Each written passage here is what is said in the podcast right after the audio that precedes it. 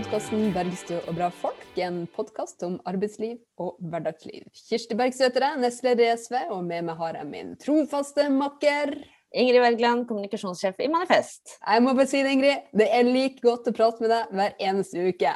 Eh, Nå er det vår, sola skinner ute, men i mitt liv så er du sannelig en av de største solene.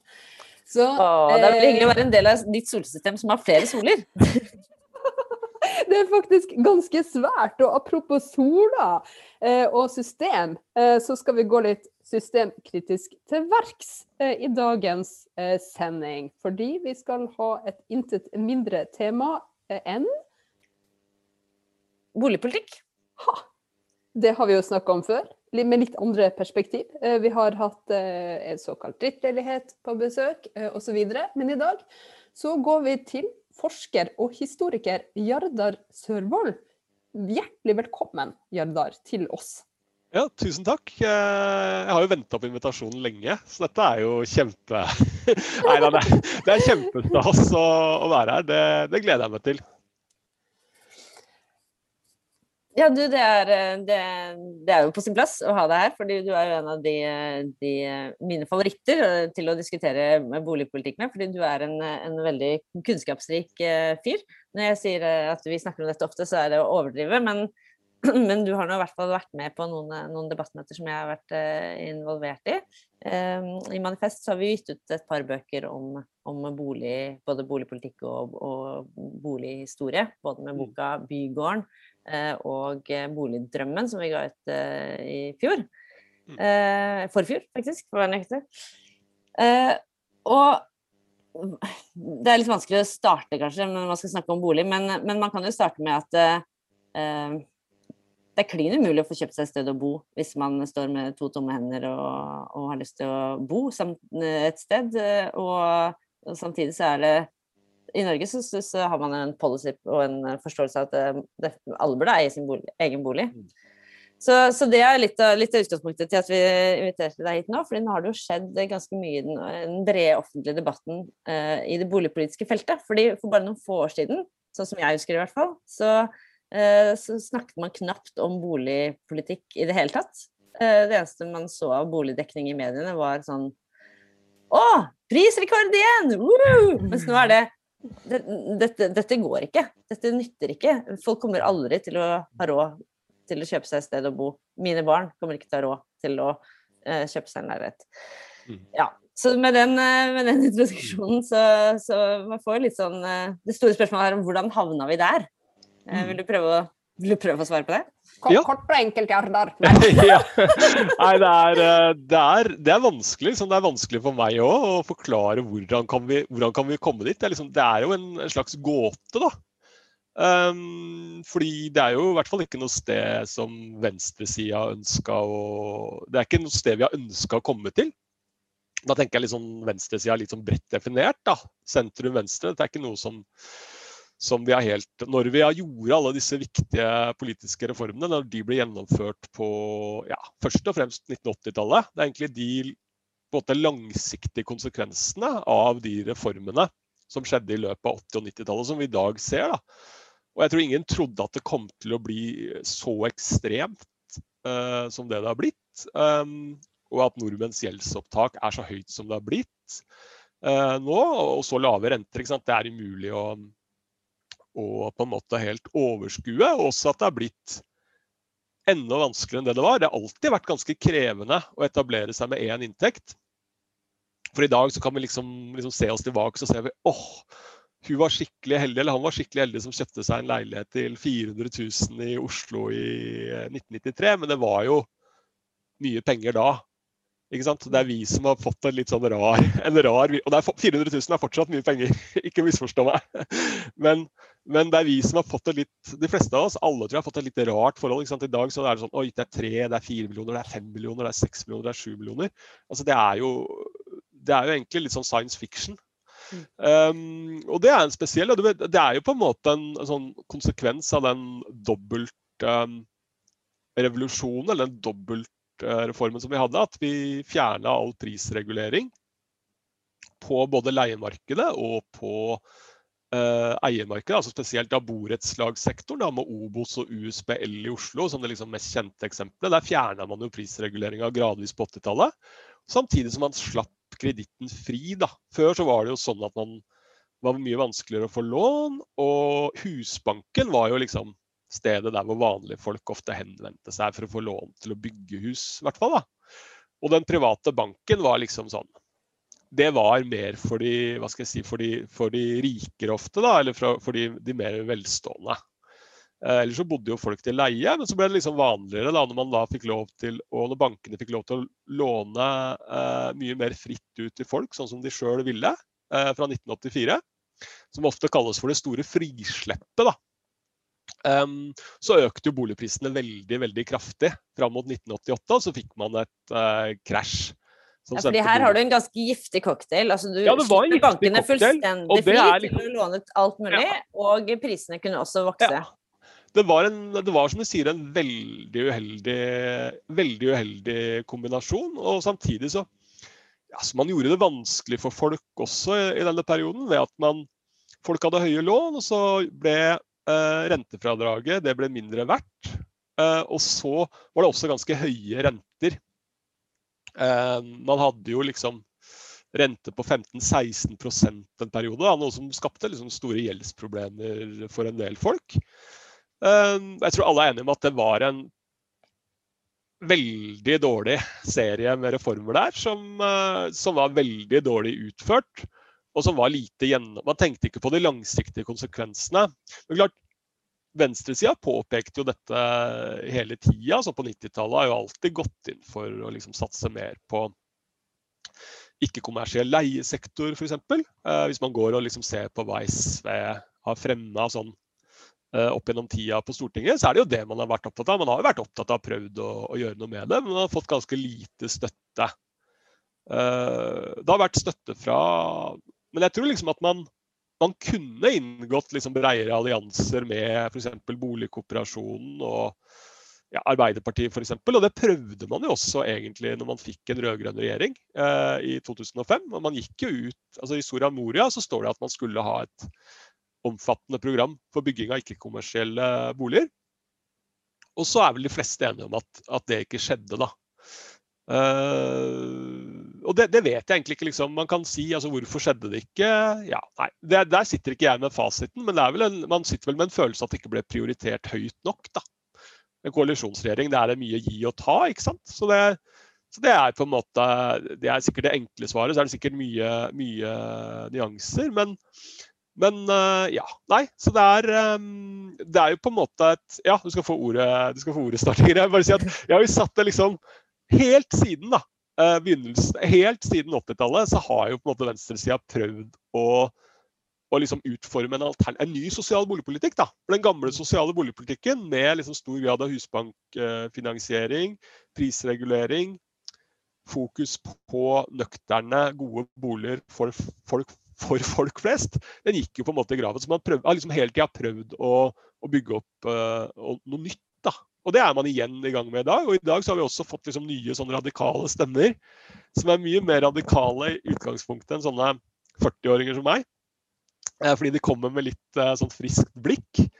Eh, og, og, har også andre erfaringer på boligmarkedet, fordi de er en annen generasjon. tror jeg også spiller inn, Sånn som da, de som er knytta til min drittleilighet og redusere husleia og kritisk bynettverk. og de skriver i plan, liksom. Det er en kar for eksempel, som heter Alf Jørgen Schnell, som er veldig en god uh, debattant. Som skriver mye om, om dette, og liksom problemene med eierlinja. Sånn. Så det er absolutt ting på gang.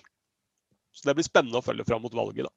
Men, eh, men, eh, siden du er god til å ta de store penselstrøkene og sveipene, så, så, så vil jeg benytte meg av anledningen til å bruke deg som historiker også til å ta sånn litt enda lenger tilbake enn til 80-tallet. Nå er det jo allerede ganske lenge siden 80-tallet. Ja. Men, men, hvis vi drar sånn skikkelig langt tilbake, da, til liksom ja.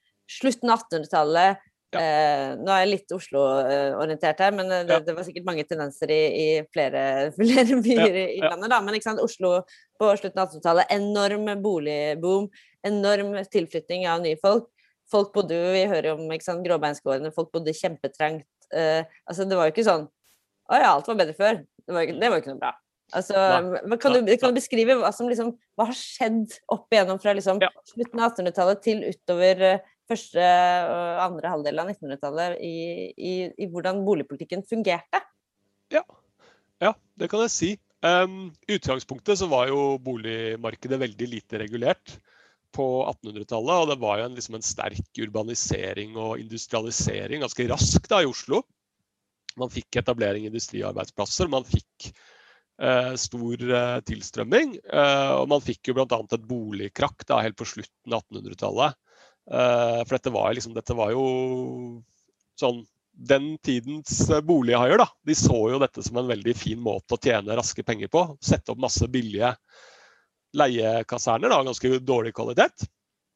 Um, og så kom jo da arbeiderbevegelsen eh, fikk jo vind i seilene på begynnelsen av eh, 1900-tallet. og Da satte man jo boligsaken eh, på agendaen. Og da fikk man jo etter hvert kommunal boligbygging i Oslo. Man fikk, eh, og det er jo dagens leiligheter da, som omsettes. En del av de leilighetene som ble bygd, da, sosial boligbygging på 1900-tallet, helt i begynnelsen, de er jo i dag omsatt for millioner. ikke sant? Fordi man solgte de ut rett etter krigen, faktisk, til beboerne. Um, men uansett, ja. Så da kom arbeiderbevegelsen på banen, og da, da var det jo veldig mange liksom sånn spennende reformforslag som svirra. Det var liksom i den mest radikale fasen, når Arbeiderpartiet gikk inn i Komintern og når det var liksom den perioden rundt den russiske revolusjonen, så ville man liksom sosialisere alle leiegårder. Og det var liksom seriøst på agendaen noen år.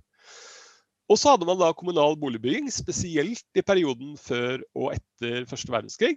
Og da bygde man liksom sånn på Torshov og på Lindern og ganske liksom god kvalitet for vanlige folk med vanlige inntekter. Og så eh, kom jo da boligkooperasjonen for fullt eh, på 30-tallet, da man fikk Obos.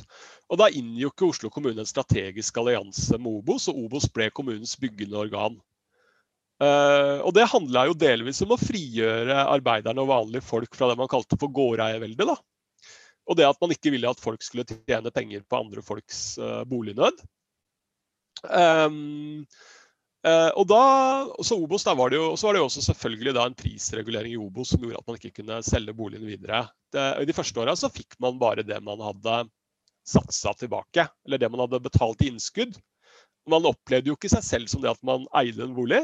Men man opplevde seg sjøl som leieboere. Selv på 60-tallet så opplevde majoriteten av de som bodde i Obos de, Når du skulle krysse av da, sånne undersøkelser som samfunnsviterne sender ut, så kryssa de av på leieboer. Mm. De fleste. Og Obos var jo da, eller er jo da, eh, ja, medlemsbasert, eh, og, og man er eh, andelseier. Eh, og man hadde jo da Man har jo på en måte egentlig liksom eh, bo, rett til å bo i den Ja. leiligheten man bor i. Det er, ja, det er, ja det, er liksom, det er derfor det heter i, I Sverige så heter det bostadsrett, og det heter jo bo, borettslag. Så det kommer liksom, ordet kommer fra en helt annen tid, hvor man tenkte litt annerledes uh, om det å bo. Hvor man tenkte på det, ja, du har en rett, trygg rett til å bo. Det var det som var utgangspunktet. Det var jo selvfølgelig ikke Bratteli og Gerhardsens utgangspunkt at uh, vi skulle bytte de mellom oss for uh, millioner av kroner. For det var jo liksom Um, sånn Historisk da, så er det liksom et brudd med den solidariteten som lå i boligkooperasjonen. For det var solidaritet mellom leieboere uh, og de som sto utafor den liksom, Som var en ganske god da, billett å få en borettslagsbolig. Det var god standard. ikke sant? Det var bad. Det var bad i Obos-boligen. Uh, det er en sånn fantastisk beskrivelse i en av Dag Solstads eh, krigsromaner. Eh, hvor det da er en familie dette er på slutten av 30-tallet, som flytter til en Obos-blokk med bad. Og liksom det der å gå inn der, eh, liksom har delt bad, ikke sant? det er ut, snakk om utøver, og dette er jo det var liksom fantastisk standardøkning da, til en forholdsvis rimelig pris. Så, um, så Obos representerte et veldig stort framskritt. Men det som satte virkelig fart da, i utbygging av boligkooperasjonen, det var jo Husbanken som gjorde det mulig for folk å få lån som gjorde at de, de, de hadde råd til å flytte inn da, til en inntekt som, eh, som sto greit i forhold til de inntektene de har. For i norsk boligpolitikk hadde man jo lenge en sånn læresetning om at det skulle være 20 av inntekten. Hva skulle Eh, være 20% av inntekten. 20% av inntekten skulle være boutgiften. Okay. Så det var man veldig opptatt av. da. At det skulle være sant, en femtedel av inntekten. Og så prøvde man, og det var sånn man målte. ikke sant? Boutgiftsbelastning, det var et ord. Hva ligger den på i dag? Nei, Den ligger mye, mye høyere. det, varier, det, som er også at den varierer ekstremt mye. Eh, fordi noen bor jo, har jo nesten ikke boutgifter. Altså de har strøm og, og sånn. fordi de har, ja, de har kjøpt bolig kanskje når det var lave priser og betalt dem ned. ikke sant? Og, og kanskje tjener godt. Mens andre har jo lånt i pipa. Veldig mange har lånt i pipa hvis de bor til eie. Og det er jo yngre folk som har de høyeste boutgiftsbelastningene, og også gjerne de laveste inntektene. Så, så det er jo en skjevhet der som mm. er liksom ekstrem. Det er jo, uh, det, men, men for det hele det vokabularet, da, for du kan si boligpolitikken var mye større del enn del av liksom velferdsstaten. Ja, fra, og hele velferdsstatstankegangen fra 45 til 1980, da, eller kanskje du kan trekke det enda lenger. Da, det, til 1990 at man liksom tenkte sånne ord. da, Så vi må finne litt tilbake til det vokabularet som man hadde da, for å få liksom hva skal jeg si da, Hvis venstresida vil ha diskusjonen tilbake på sin vaneavdel, så må man finne tilbake til disse begrepene. tror jeg da, Boutgiftsbelastning. Det tror jeg ikke har sett så veldig mye. For det handler om liksom og da, det, da, liksom, da, da, får man fram det litt sånn absurde og urimelige. da, At folk skal, at folk skal ha så ulik boutgiftsbelastning. Uh, det er jo liksom Det er er et problem, da. Uh, og det var man veldig opptatt av etter krigen. At man skulle ha minst mulig boutgiftsbelastning. Og da trengte man de og de finansieringsordningene i bunnen da, for at uh, folk skulle ha en, en god situasjon i økonomien sin og ha råd til å ha barn og, og gjøre andre ting. Um, det er den der berømte, den der berømte dansegulvmetaforen til Tage Herlander. Da. Hvis folk kan bruke alle pengene sine til å bo, så har de ikke så veldig mye frihet i livet sitt til å danse og gjøre, gjøre andre ting. Eh, da, vel, da blir det jo en veldig stor belastning på å tjene lønnsinntekt og skrape sammen de pengene man trenger. Da. Så det blir jo mer av et strev. Da. Um, så, så, ja. Så det er, uh, og så er det også sånn, det, mange, liksom, det er mange liksom, du kan si det er veldig vanskelig å overdrive endringene i boligpolitikken og boligmarkedet eh, fra, liksom, fra, perioden av det jeg kaller for den lange etterkrigstida. Fra cirka, etter liksom, gjenreisningstida var over. hvor sant, først, Rett etter krigen så bygde man masse bygde man eh, opp boligene som hadde blitt ødelagt under krigen. Ja, F.eks. i Finnmark, andre byer som hadde blitt bomba. Da var det en sånn da var det de stedene som ble prioritert. Men så, når man kom ut på 50-tallet og den egentlige gjenreisninga var fullført, så begynte man å tenke litt mer langsiktig. Og da hadde man de der begrepene og de strategiene med seg egentlig helt fram til, uh, til 80-tallet. En annen ting som man var veldig opptatt av, var jo standarden på boligene. Det skulle være gode lysforhold. Det skulle være funksjonelle boliger. Man skulle ha fritid. Man skulle ha mulighet til rekreasjon. Man skulle ha mulighet til ulike liksom, sysler innenfor rammene av si 70-60 kvadrat. Eh, som var boligene, ikke sant? Eh, Det var ikke så store boliger, men man var veldig opptatt av at man måtte ha en minstestandard for kvalitet. Og Derfor så var det jo ofte forbud mot å bygge ettroms, det var fy-fy. Eh, og toromsboligene også var mye mer funksjonelle og mye større enn det de er i dag ofte. da. For her var altså Husbanken, da, som, veld, som finansierte liksom 70-80% av alle boligene som ble bygd noen år. Sant, gjorde utrolig mye for norsk boligstandard, utrolig mye for lysforholdene i de boligene. Og dette var liksom arkitektonisk kunnskap der man var liksom sånn OK, hva trenger folk for å leve gode liv, da? Det var sånn det var. Det høres litt uh, Det var det som var utgangspunktet. Så det høres nesten litt sånn science fiction ut i dag, for i dag så er det jo veldig mye utbyggerne som styrer. Og Eh, man vil jo ikke at folk skal ha sportsbod. Man vil hele tiden, man sier hele tiden at, at man må senke standarden da, for at folk skal ha råd til å bo i boligene. At man skal senke arealkrav og sånn. Mens utgangspunktet på den tida var jo helt annerledes. Det var hvordan skal folk ha råd til å bo i disse boligene mm. eh, med de inntektene de har, 20% av lønna. Og utgangspunktet var hvordan skal folk leve gode liv i de boligene som bygges. Eh, vanlige folk. Eh, og dette virker, liksom, det virker nesten som en fortelling som er for god til å være sant. Men den er ikke det. Det var sånn man mhm. tenkte. Og jeg sier ikke at det var, det var veldig mye å sette fingeren på da. Man gjorde selvfølgelig pragmatiske tilpasninger. Og det var liksom ikke noe sånn, selvfølgelig var det ikke noe sånn rosenrød historie i ett og alt. Men det var i hvert fall utgangspunktet for boligpolitikken, da, for Husbanken. Eh, det var kvalitet, og det var eh, rimelig boutgiftsbelastning. Da. Ja, nå har du på en måte sagt liksom hvordan hele endringer rundt tanker og måten å beskrive boligpolitikken og for så vidt målsetningene for den har redda seg med tida. Og så har du også nevnt Husbanken. Ja. Eh, og Husbanken er jo eh, som et redskap for sosial eh, boligbygging. Kan du fortelle litt om historikken rundt Husbanken, og hvordan den endrer seg? Fordi ja. eh, Vi løfter jo fremdeles frem Husbanken i dag. Ja. At revitalisering og styrking av den som et middel for en mer sosial boligpolitikk. Nei, vet du hva, det kan jeg gjøre. Jeg, jeg kan jo bare si at jeg skriver en bok om Husbankens historie nå. Så dette har jeg tenkt veldig mye på eh, de siste, siste, siste året. Da. Eh, ja, du kan jo si at Husbanken har jo endra seg veldig mye med, med, norsk boligpolitikk. Det har jo vært eh, liksom hovedredskapet da, i boligpolitikken egentlig helt siden 1946. Og i, dag så feirer, i år så feirer jo Husbanken 75-årsjubileum. Den har jo endra seg veldig mye. Liksom kort fortalt så var det liksom selve motoren i boligbygginga. Ehm, det var liksom en rasjonering av kreditt, og man da kanaliserte kreditten til boligbygging da for eh, primært egentlig familier. Da. Det er jo en familiebank. Eh, både på landsbygda og, på, ehm, og i eh, de største byene våre. Um, og så var det også en veldig viktig sånn standardkontrollør, og det egentlig henger sammen med det jeg sa i stad. At det var en garantist for, for en minstestandard da, når det gjaldt boforhold. Når det gjelder lysforhold, når det gjelder funksjonen til rommene, når det gjelder størrelse på kjøkken, soverom.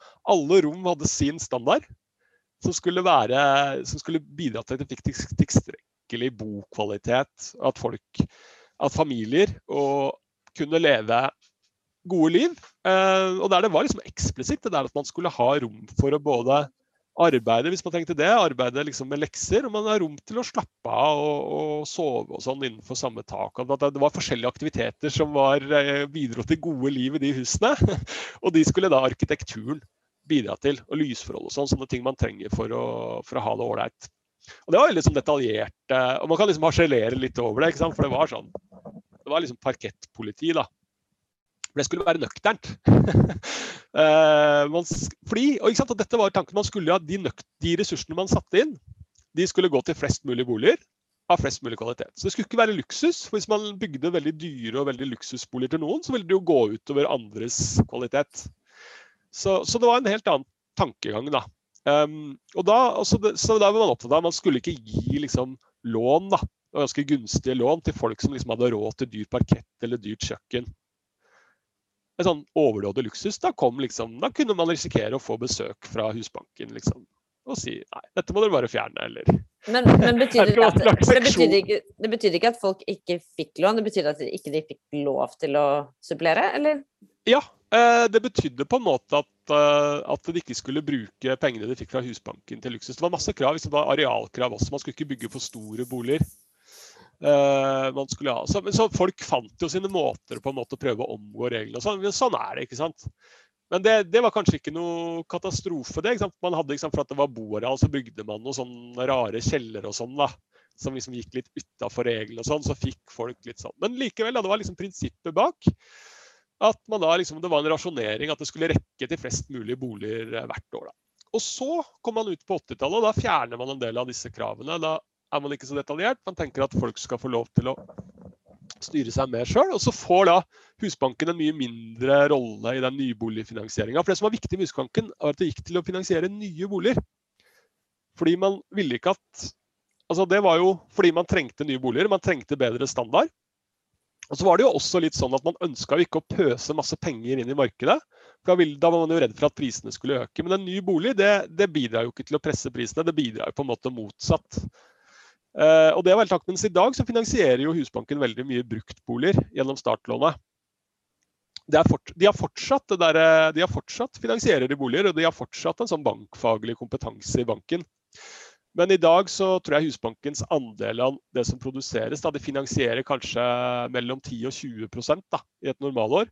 Mens det på liksom toppårene på 70- og 60-tallet så, så snakka vi jo 70-80 og så har Husbanken da i perioder hvor eh, det private kredittmarkedet har ligget nede, f.eks. Eh, eh, i perioden når det var bankkrise på slutten av 80-tallet og begynnelsen av 90-tallet, så finansierte Husbanken absolutt alt.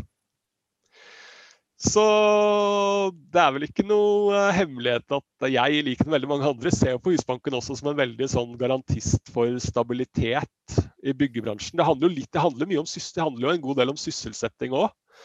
Eh, for det er jo sånn at det er en veldig konjunkturutsatt bransje, eh, byggebransjen. Og da, er det jo kjempe, da har det vært historisk veldig, har Husbanken spilt en veldig viktig rolle som en sånn stabilisator. Da.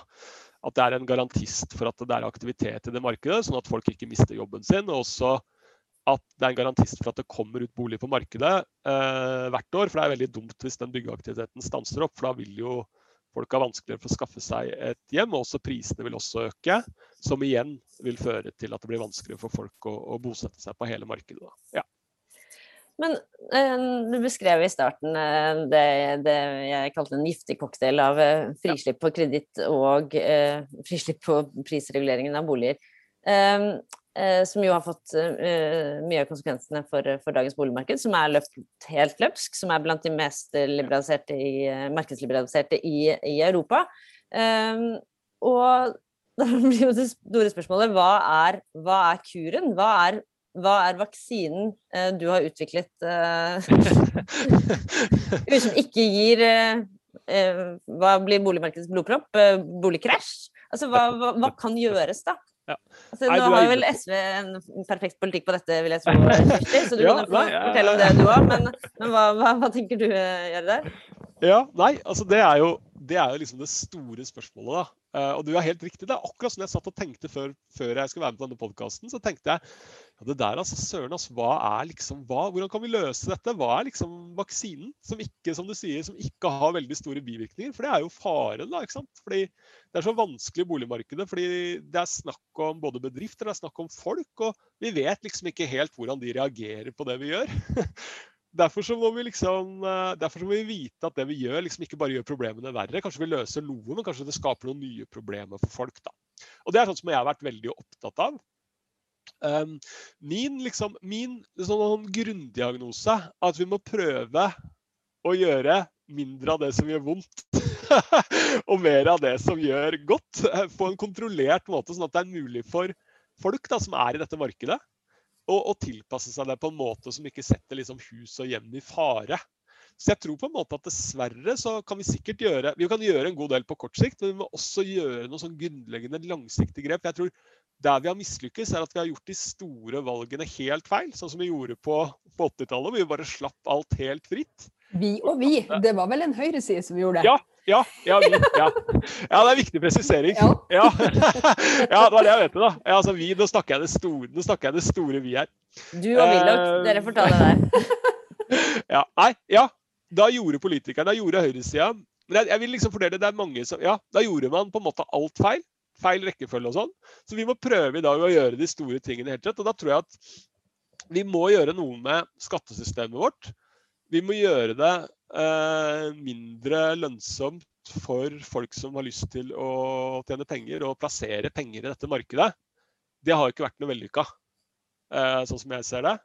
Eh, så det må vi, jobbe med. Og så tror jeg også at for å, for å gjøre forskjellene mindre mellom folk, gjøre den der boutgiftsbelastningen mindre mellom folk, Uh, så må man også gjøre noe med skatt, boligskatten også for um, også for på en måte det vil man kanskje liksom vanlige folk da, som også bare bor i USA. Sine. Jeg ville gjeninnført den fordelsbeskatningen av bolig. Ganske forsiktig i første omgang. Altså den skatten, fordelen av å, av å bo i egen bolig, da, som man fjerna i 2005. Den ville jeg da, ja, da jeg, jeg har gjeninnført. Fordi eh, nå får man jo både Nå får jo man rentefritak for å, for å betale ja. på ned lånet på boligen man selv bor i, mens en person ja. som leier, eh, ikke har noen fordeler i det hele tatt. Annet enn å Uh, ja. Den vil jeg også utjevne. Den vil jeg prøvd å utjevne gjennom skattesystemet ved å gi leieboere en tilsvarende rett til å trekke fra husleieutgifter. Da. Men der tror jeg kanskje det ville vært nødvendig også å innføre en mild husleieregulering, sånn at ikke det bare blir en sånn subsidiering av, eh, av utleier. Dette er veldig kompliserte spørsmål så liksom må, det, må faktisk utredes. Ofte så er det problemet at man utreder og utreder, så kommer man aldri. Så man må gjøre noe. Man kan gjøre noen, eh, man har mye kunnskap om dette, så man kan gjøre noen sånn hurtigutredninger. For det er jo viktig at viktig at man tar noen politiske valg. Uh, og man har jo sett at dette ikke fungerer. Og jeg mener at vi har dokumentert Vi har veldig mye dokumentasjon på at dette ikke fungerer. Men det gjelder som sagt som du sier da, det gjelder å innføre reformer som ikke gjør uh, problemene verre. Men jeg tror at å gi en, et, en mulighet for leieboere å trekke fra på skatten, eventuelt ja, jeg tror det er en jeg tror det er, en, det er, en, bedre form. Så tror jeg På sikt så kan man vurdere å redusere rentefradraget også, eh, for alle. Eh, men det tror jeg blir det er viktig å ikke gjøre det for raskt, sånn at det blir problemer for folk som Du ønsker ikke å skape problemer for folk som har lånt til pipa heller. For de har jo på en måte blitt prisgitt dette boligmarkedet og, og innretta seg sånn som de, de, på en måte har følt seg tvunget til å gjøre. på en måte. Så det er viktig å ikke skape problemer for de. Og hvis man liksom fjerne rentefradraget helt bare sånn over natta, så kan det jo tenke seg at folk i etableringsfasen liksom blir ramma av det på en måte som vi ikke ønsker. da. Um, men så tror jeg at det er viktig å, å, um, å innføre en, en um, Jeg tror også det at å gjøre det bedre å bo i leiemarkedet og gi de en fradragsrett for leieinntekter, og på mange måter gjøre forholdene på leiemarkedet bedre, altså mer, mer botrygghet på leiemarkedet. Og også se på hvordan man kan øke innslaget av uh, offentlige utleieboliger. Det tror jeg er en viktig sånn kur på lang sikt. fordi jeg tror det blir ikke disse budrundene så ville. fordi hvis folk syns at det er OK å bo i leiemarkedet, mer ålreit enn det er i dag i hvert fall, så vil ikke folk være like desperate. Da vil ikke folk nødvendigvis være villige til å ta opp så mye lån som det er i dag, og ikke være så liksom sånn vi må inn på boligmarkedet for enhver pris. Jeg tror vi må prøve å balansere den uh, eierlinja litt. Og gjøre den på en måte mindre liksom, lukrativ på en litt farlig måte, da, sånn som det er i dag. At man tenker at man skal låne til pipa. Det kan liksom komme og smelle og bite oss skikkelig i baken. Og det som er farlig med et krakk på boligmarkedet, det er jo faktisk ikke primært da, at folk mister hus og hjem, for det gjør folk i ganske liten grad. Det er kjipt. Noen gjør det. Men det verste er at det blir verre og verre på sikt, for folk slutter å kjøpe i butikkene. Folk slutter aldri, for folk da, da, da, da kan det fort bli sykdom i hele økonomien som skaper arbeidsledighet. Som skaper mye større arbeidsledighet enn det vi har i dag. Spesielt liksom først, da kommer bygge- og anleggsnæringa liksom først. Men så da baller det på seg. Så har vi plutselig enda større problemer eh, på boligmarkedet eller på, i arbeidsmarkedet og sånn. Og så blir det liksom en sånn sykdom i hele økonomien. Det er en det er jo en reell trussel i Norge som, som på en måte er, Jeg kan ikke spå om framtida. Tenk, ingen trodde vi fikk en Hvem trodde at vi skulle sitte her i dag og hatt eh, lockdown nesten, eller hatt koronarestriksjoner i over et år? Ja, altså i hvert fall ikke regjeringa. Fordi nei, ingen, det er jo godt avdekka i den kommisjonsrapporten ja, ja. som har kommet til siste.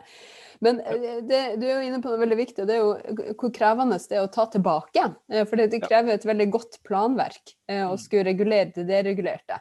Mm. Og det viser jo også hvor alvorlig det er å slippe høyrepolitikken fri i mm. helt avgjørende områder i livene våre som ikke kan klare seg uten. Vi kan ikke klare oss uten et, et trygt sted å bo.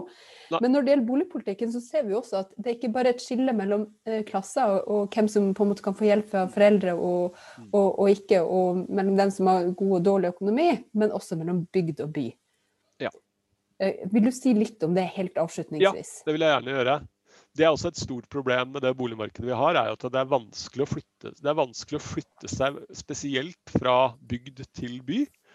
Og Det har man jo undersøkelser på også. At, eh, og det gjelder ikke bare, det kan gå i mange generasjoner. Man ser jo det at folk som er oppvokst i Oslo, har jo alt annet likt. Det er en bedre situasjon på boligmarkedet. De har mer boligkapital, altså de får jo mer arv enn det man har hvis man har foreldre som tilfeldigvis eh, Eller er oppvokst på landsbygda. da. Så det også er en stor eh, det er, Og det er et problem med det boligmarkedet vi har. At det er, det er så dyrt, det er så mye kreditt der at man man har en lengre vei da, til å etablere seg i en bolig i liksom, sentrale strøk når man kommer fra, tilfeldigvis kommer fra et lite sted. Mm. Nå ønsker jo vi eh, å snu flyttestrømmen andre veien, da. Ja. Og det er jo også utfordringa. det er, del, det er selvfølgelig en del av, svar, det er en del av svaret, eh, sannsynligvis. Å gjøre det attraktivt å bo i distriktene. Og da blir det lett da blir, ja.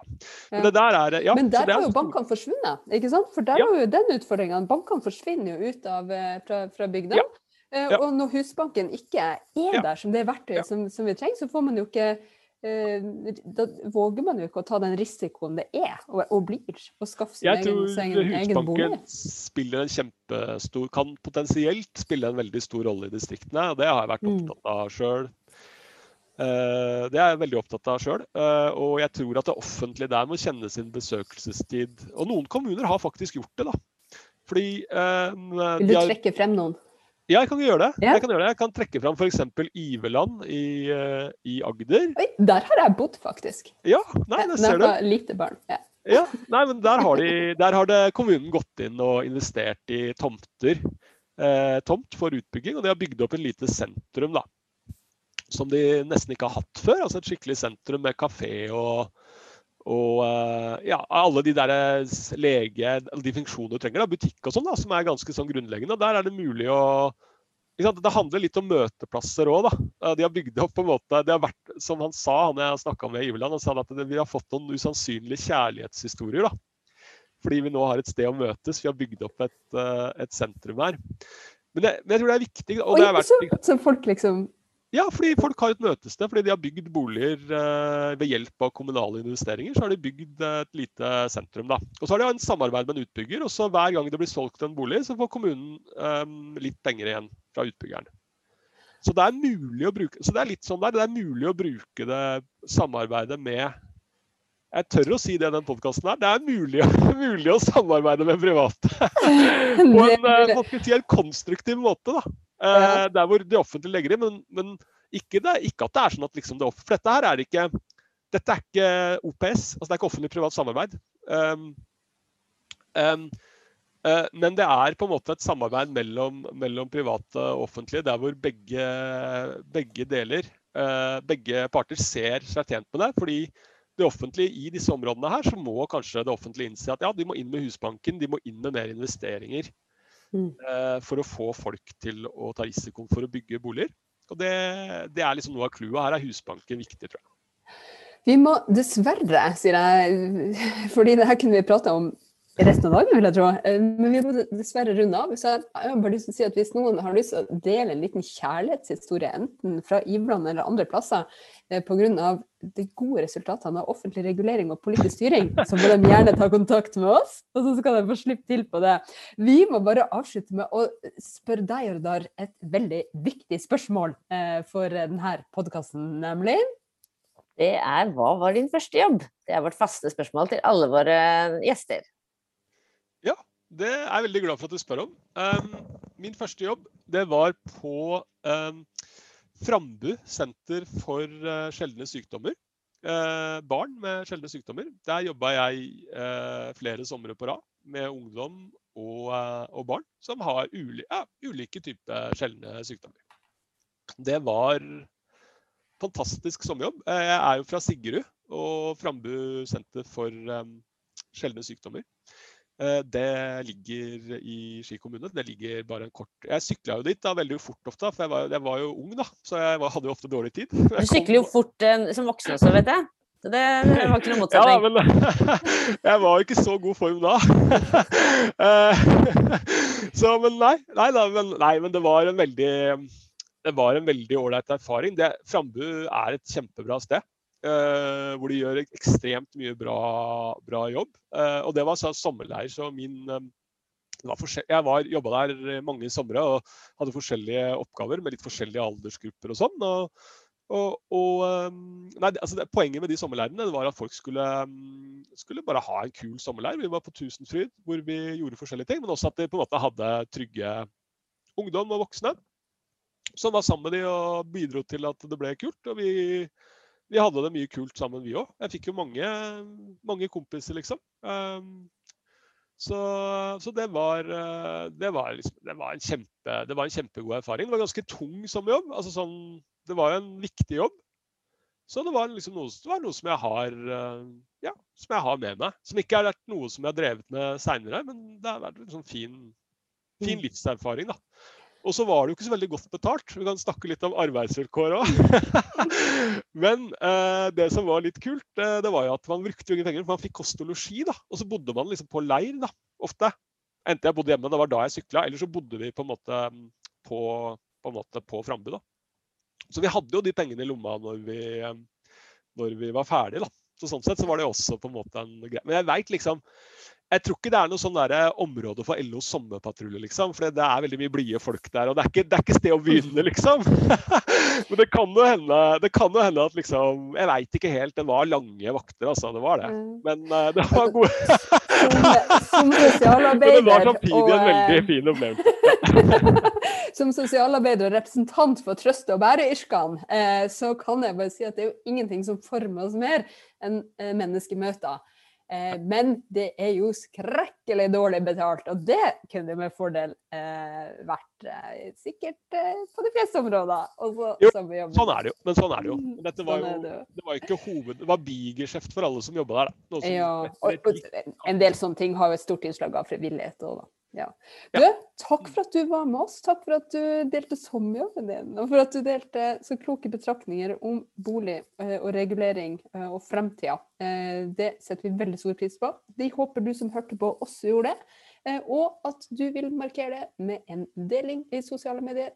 Abonner og spredning av budskapet. Både om podkasten og om at en annen boligpolitikk er mulig. Ha en fin dag videre.